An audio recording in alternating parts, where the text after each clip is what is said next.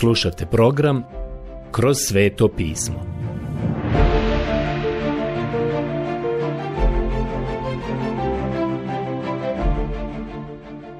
Knjiga Postanak.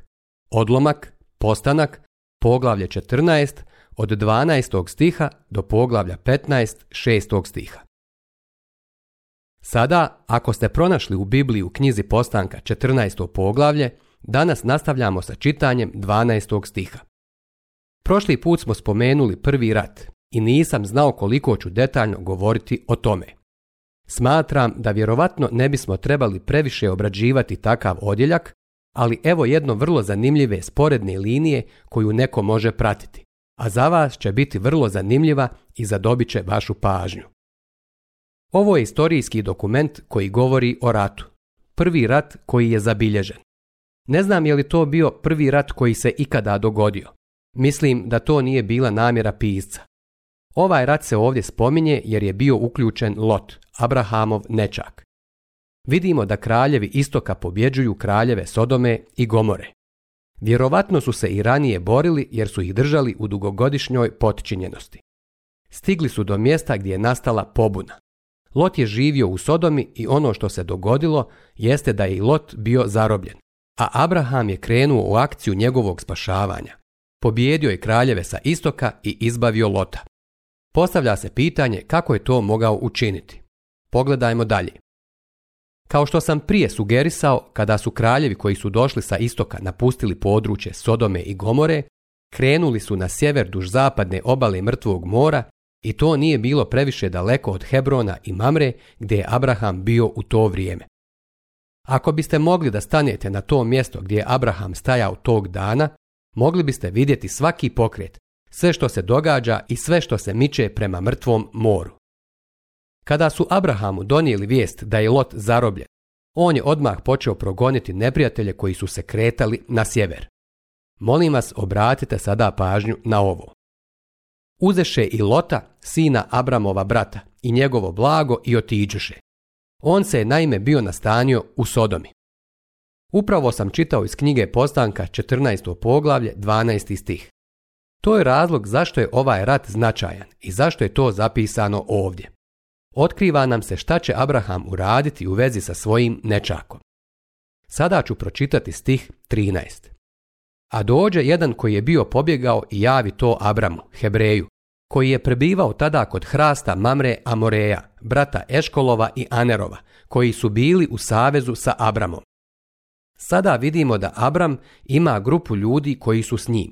Zapravo, tog dana su morali da se drže zajedno jer su krenuli u potjeru za neprijateljem ili su se približavali neprijatelju. I njihova sigurnost je bila izvjesnija što su bili u većem broju. Mogli su se držati zajedno ili pokušati nešto odvojeno. Ono što je ovdje zapanjujuće i što nam otkriva nešto o veličini Abramove snage i moći. Čitat ću stih 14 iz 14. poglavlja knjige Postanka. A kad ču Abram da su njegova brata zarobili i odveli, naoruža prokušane sluge 318 ljudi koji se rodiše u njegovoj kući i pođe za njima u potjeru do dana. Dan se nalazi gore na sjeveru. Imao je 318 ljudi sa sobom. To nam daje jasniju predstavu o broju slugu koje je imao Abraham. U vlastitom domaćinstvu mogao je naoružati 318 muškaraca. Koliko ih je onda imao koje nije naoružao? Na primjer, koliko je još bilo žena i djece? Starijih ljudi? Ne znamo, ali znamo da je mogao naoružati 318 muškaraca. Ja bih rekao da je on tada vodio prilično veliki posao u tom području uzgoj goveda, ovaca i druge stoke. U 15. stihu piše da je on rasporedio svoje ljude, a evo kako je to učinio.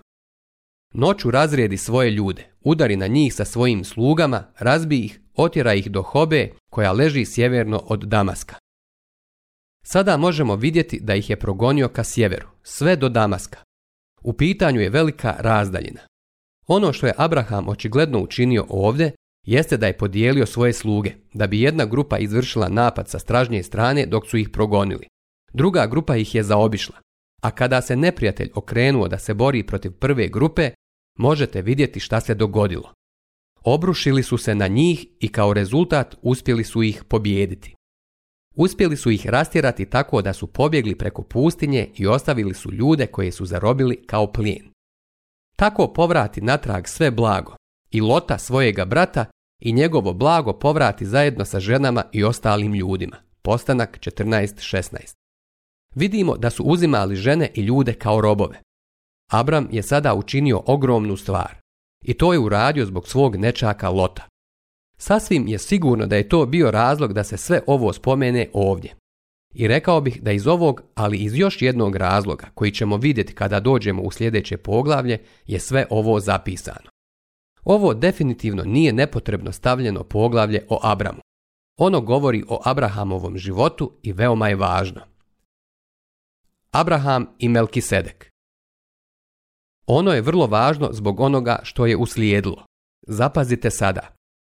A kada se vraćao poslije pobjede nad Kedor Laomerom i kraljevima što su bili s njim u savezu, izađe mu u susret kralj Sodomski u dolinu Šave, to jest dolinu kraljevsku. Postanak 14.17 Kralj Sodome mu je izašao u susret. Ubrzo će neko drugi izaći i upoznati Abrama. I dobro je što je to učinio jer ga je kralj Sodome dovodio u ozbiljnu opasnost ili barem u iskušenje. Zapazite sada stih 18. I Melkisedek, kralj Šalemski, donese kruh i vino. On je bio svećenik Boga Višnjega. I blagoslovi Abrama i reče, Blagoslovljen da si Abrame od Boga Višnjega, stvoritelja neba i zemlje. I neka je slavljen Bog Višnji koji predade neprijatelje tvoje u ruke tvoje. Abram mu dade desetinu od svega. Postanak 14, 18 do 20. Ja ovdje imam nekoliko pitanja, a siguran sam da ih i vi imate. Za početak, odakle se uopšte pojavio i odakle je došao ovaj čovjek Melkisedek? On se tek tako pojavio na stranicama Svetog pisma donoseći hljeb i vino i on je blagoslovio Abrama. Nakon toga je jednostavno nestao sa stranica Svetog pisma i to je to. Pitam se odakle je došao, pitam se gdje je otišao i pitam se čime se bavi. Vidimo da je on kralj Šalema, ali je i svećenik Boga Svevišnjega. Sada imam još jedno pitanje. Kako je saznao za Boga Svevišnjeg? Pa saznao je negdje. El Elohim svevišnji Bog, stvoritelj neba i zemlje, drugim riječima živi Bog, Bog iz prvog poglavlja knjige Postanka, Bog Noin, Bog Henokov. On je taj. Nije to bilo neko lokalno božanstvo. H.C. Leopold u svojoj knjizi o postanku kaže da je to strogo monoteistička koncepcija, a dr. S. Zvemer u svom dijelu Porijeklo religije piše da nam ovaj događaj otkriva da je postojao monoteizam prije politeizma. Drugim riječima, svi ljudi su imali spoznaju o živom i pravom Bogu. A Pavle je rekao, jer kad spoznaše Boga, ne proslaviše ga kao Boga. Poslanica Rimljanima 1.21. Šta su oni učinili? Postali su nerazumni pa počeli obožavati stvorenje radije nego stvoritelja. Ali evo čovjeka koji je veliki svećenik. On je bio veliki svećenik tog vremena. Imao je spoznaju o živom i pravom Bogu bio je svećenik pravog i živog Boga. On je izašao u susret Abrahamu i donio je hljeb i vino, a to su elementi večere gospodnje. Pitam se šta je imao na umu. Koliko je Melkisedek znao? Pa, Melkisedek se spominje tri puta u Svetom pismu. Spominje se u 110. psalmu. To je proročki dio koji glasi Ti si svećenik dovijeka po redu Melkisedekovu. Kada dođemo do poslanice Hebrejima, on je tamo spomenut nekoliko puta, što znači da ćemo se više zadržati na njemu kada budemo proučavali poslanicu Hebrejima. Ali, dopustite mi da kažem samo to da sada znam zašto se ništa ne govori o njegovom porijeklu. Ništa se ne govori ni o njegovom tati, ni o njegovoj mami. I to je čudno jer je knjiga postanka knjiga o porodicama. Govori o počecima porodica i svaki put kada se spomene muškarac koji je na neki način bitan kao što je ovaj čovjek Melkisedek, Spominju se njegovi roditelji, tata i mama. On je sin tog i tog, ili su to generacije tog i tog, ali se ne spominju generacije Melkisedeka. Zašto je to tako? Pisac poslanice Hebrejima to vrlo jasno kaže. Razlog što nije imao oca ni majku, početak ni kraj, jeste taj što je kasnije Kristovo svećenstvo imalo svoj začetak po redu Melkisedekovom, ali po redu službe slijedi Aronov red. Ono što je naš gospod učinio u službi, žrtvovanje sebe i ulazak u svetinju nad svetinjama koja je danas nebo. Naš gospod nije imao ni početak ni kraj. Vidimo da je on kraj, on je Abrahamov sin, on je Davidov sin. To je važno. Matej nam to govori u svom evanđelju, ali je važno vidjeti ga i kao velikog svećenika. Imamo nešto važno što trebamo vidjeti u evanđelju po Ivanu. U početku bijaše riječ i riječ bijaše kod Boga i Bog bijaše riječ. Evanđelje po Ivanu 1.1. On nema početak ni kraj što se tiče stvaranja i postojanja. On je vječni Bog koji je izašao iz nebeske slave i riječ je postala tijelom i nastanila se među nama. I vidje smo njegovu slavu, baš kao što je zapisano u Evanđelju po Ivanu 1.14. Dakle, ono što ovdje imamo jeste čudesna slika gospoda Isusa Krista koji donosi hljeb i vino. I sada znam zašto on to čini. Jer naš gospod kaže, doista, kada god jedete ovaj kruh i pijete čašu, gospodnju smrt navješćujete, dok on ne dođe. Prva poslanica Korinčanima 11.26 Melkisedek se ovdje prisjeća Kristove smrti i na temelju toga on blagosilja Abrahama. Blagoslovljen Abram od Boga Svevišnjega, od El Elohima, stvoritelja, Melkisedek je tadašnji veliki svećenik, a gospod Isus je veliki svećenik za današnji svijet. I gospod Isus je po redu Melkisedekovu, a ne po Aronovom. Aron je bio samo za Izrael i samo za šator sastanka, što je također čudesan primjer, ali u svojoj osobi Isus je veliki svećenik po Melkisedekovom redu. Veoma je važno da to vidimo. Rečeno nam je sljedeće u 20. stihu i neka je slavljen Bog višnji koji predade neprijatelje tvoje u ruke tvoje. Abram mu dade desetinu od svega. Abrahamu je ovdje na početku Biblije dao desetinu. Kako je on znao za davanje desetine? Iskušavanje Abrahama i njegovo odbijanje iskušenja. U redu, idemo dalje. A kralj Sodomski reče Abramu, daj meni samo ljude, blago zadrži za sebe, Postanak 14.21. Ovo je iskušenje. Prema Hamurabijevom kodeksu u to vrijeme je Abraham imao potpuno pravo na plijen, pa čak i na ljude. Ali kralj Sodome je pametan, rekao je, daj nam ljude, a ti uzmi plijen, to je tvoje. To je za Abrahama bilo iskušenje.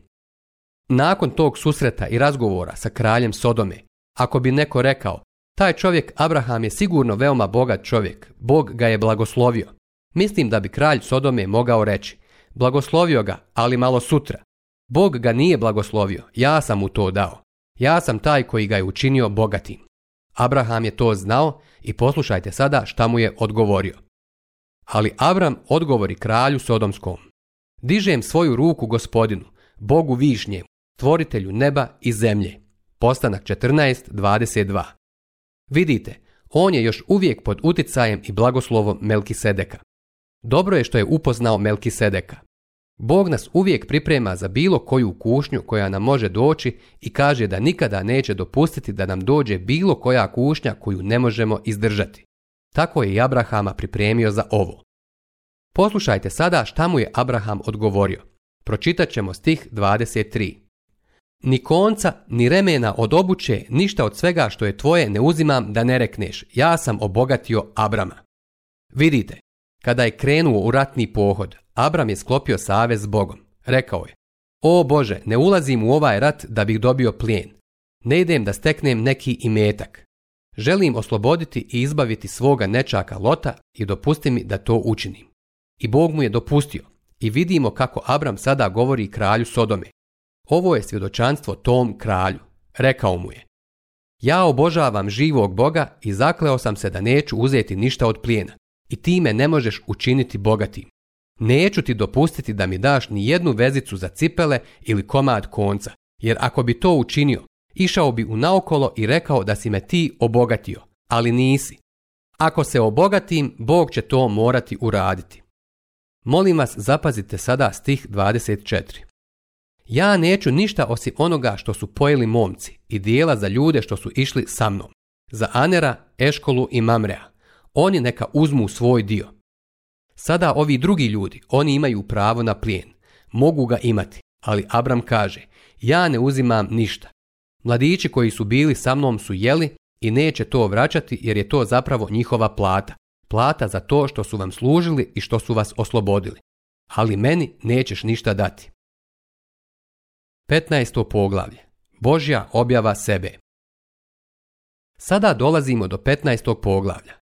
Bog se Abrahamu otkriva potpunije i ponovo potvrđuje svoje obećanje. Ovdje u 15. poglavlju dolazimo do jednog od vrhunaca u Bibliji, a još jedan će biti u 17. poglavlju. Poslušajte ovo jer ćemo danas još samo malo krenuti u tom pravcu. Poslije tih događaja dođe riječ gospodnja Abramu u jednom viđenju ovako. Ovo je sada četvrti put da se Bog ukazao Abramu. Ovo je četvrti put i Bog je radio na tome da razvije Abrama i da ga odvede dalje. Bog mu čini dobro tako što mu se sada pojavio, jer vidimo da je Abram napravio ogroman korak vjere kada je krenuo u ratni pohod i izbavio Lota i kada je odbio plijen koji mu je ponudio kralj Sodome. Bog mu sada kaže, ne boj se Abrame, ja sam tvoj štit. Tvoja plaća bit će vrlo velika. Postanak 15.1 Prijatelji, to je divno, Bog Abramu prije svega kaže, ja sam tvoj štit. Ne znam zasigurno, ali dopustite da vam predložim moje tumačenje. Mislim da je tokom bitke Abraham došao u životnu opasnost i pitao se hoće li iz nje izaći živ. Bog ga je sada podsjetio. Ja sam tvoj štit, Abrahame, ja sam tvoj štit. Još mu je rekao, ja sam tvoja neizmjerno velika nagrada. Dobro si učinio što si odbio plijen, jer ja sam tvoja nagrada. Namjeravam te nagraditi. Oh, kada je čovjek danas spreman vjerovati Bogu i gledati u njega, šta sve onda Bog može učiniti sa njim? A Abram je rekao, sačekaj samo trenutak. Ako mislite da je Abraham jedan od ovih pobožnih ljudi, čiji oreol zasija svakog jutra, onda se varate. Abraham je vrlo praktičan i sada će odmah prijeći na detalje. Prijatelj, ja mislim da Bog voli da to radimo. Volio bih da se možemo riješiti svoje lažne pobožnosti i licemjernog stava koji danas zauzimaju mnogi fundamentalisti, a meni se pri tome ne čine stvarnim, iskrenim i autentičnim. Neki od njih su tamo negdje daleko i to je sve. Zapazite sada jednu predivnu stvar u vezi ovog čovjeka, Abrahama. Abram odgovori. Ah, gospodine Bože, što mi možeš dati kad moram živjeti bez djece i mašćanin Elijezer bit će posjednik mojeg imutka. Postanak 15.2 Ono što on govori Bogu je ovo. On kaže, ne želim više bogatstva, ne trebam to. Ono što mi je na srcu i o čemu razmišljam je da sam bez djece i želim sina. Obećao si da ćeš me učiniti ocem i od mene načiniti narod i da će moga potomstva biti bezbroj kao pijeska na morskoj obali a ja nemam ni sina ni curice. Prema tadašnjem zakonu, prema Hamurabijevom zakoniku, Eliezer, njegov glavni sluga i upravitelj imanja, imao je potomstvo i s vremenom bi ga on i njegovo potomstvo naslijedili da Abraham nije imao svoje potomke. I Abram nastavi. Eto, nisi mi dao potomstva i tako će moj domaći sluga biti moj baštinik. Ova je rođen u mojoj kući. Ali mu odmah riječ gospodnja dođe ovako. Znate kako je Bog praktičan kada je čovjek praktičan sa Bogom.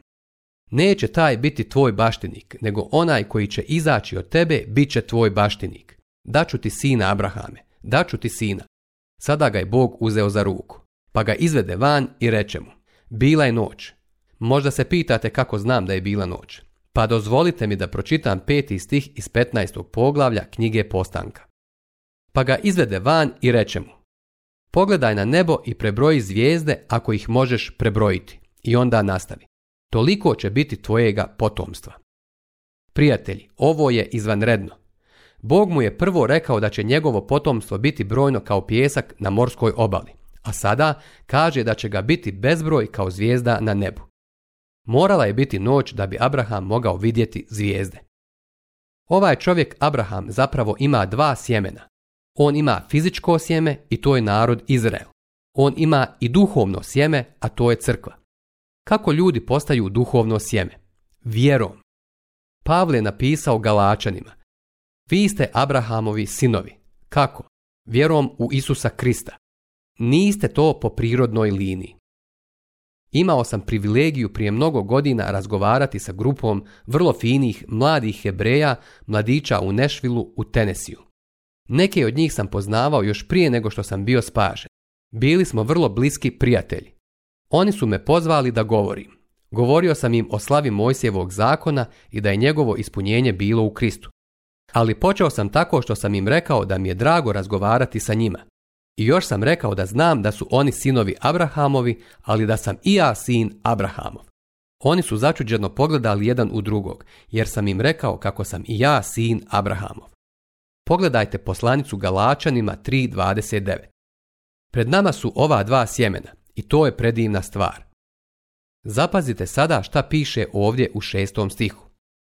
Abram povjerova gospodinu i on mu to primi u zaslugu.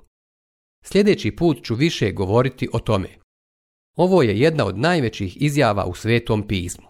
Abraham je samo vjerovao Bogu, to je sve. I to mu se uračunalo u pravednost. Sada Abraham čini nešto što je prilično zanimljivo. I reče mu, ja sam gospodin koji te izvedoh iz ura u Kaldeji, da ti dam ovu zemlju u posjed. A on odgovori, gospodine Bože, po čemu ću spoznati da ću je posjedovati? Postanak 15, do 8. Drugim riječima, Abraham je bio vrlo praktičan čovjek. Vjeruje u to da se treba baviti stvarnošću. Mislim da i mi danas to moramo činiti. Stvarnost nam je potrebna u našim životima i u našem kršćanskom životu. Prijatelji, ako stvarnost nije u vašem životu, tu onda nema ničega. Mnogi se ljudi danas samo igraju crkve. Zapazite šta Abraham kaže. On kaže, kako ću to znati? I znate li šta mu Bog kaže? Hej Abrahame, drago mi je da si me pitao, ja ću se naći s tobom dole u sudnici i ići ćemo pred javnog bilježnika – i realizovat ću ovaj ugovor koji sklapam sa tobom, a ti ćeš dobiti sina. Dakle, sklopit ću ugovor sa tobom i nas dvojica ćemo se sresti tamo dole i ja ću se potpisati na isprekidanoj liniji. Sada će mi neko reći ili mi napisati. Čujte, doktore McGee, pratio sam vas kroz knjigu postanka i do sada ste se uvijek držali biblijskog teksta. Sada ste ovdje odstupili od toga jer u Bibliji nigdje ne piše ništa o tome da ga je Bog susreo dole na sudu, niti o odlasku kod javnog bilježnika. Pa prijatelji, mogu vam reći, prema tadašnjim zakonima to je upravo ono što je Bog rekao Abrahamu i to ćemo vidjeti sljedeći put.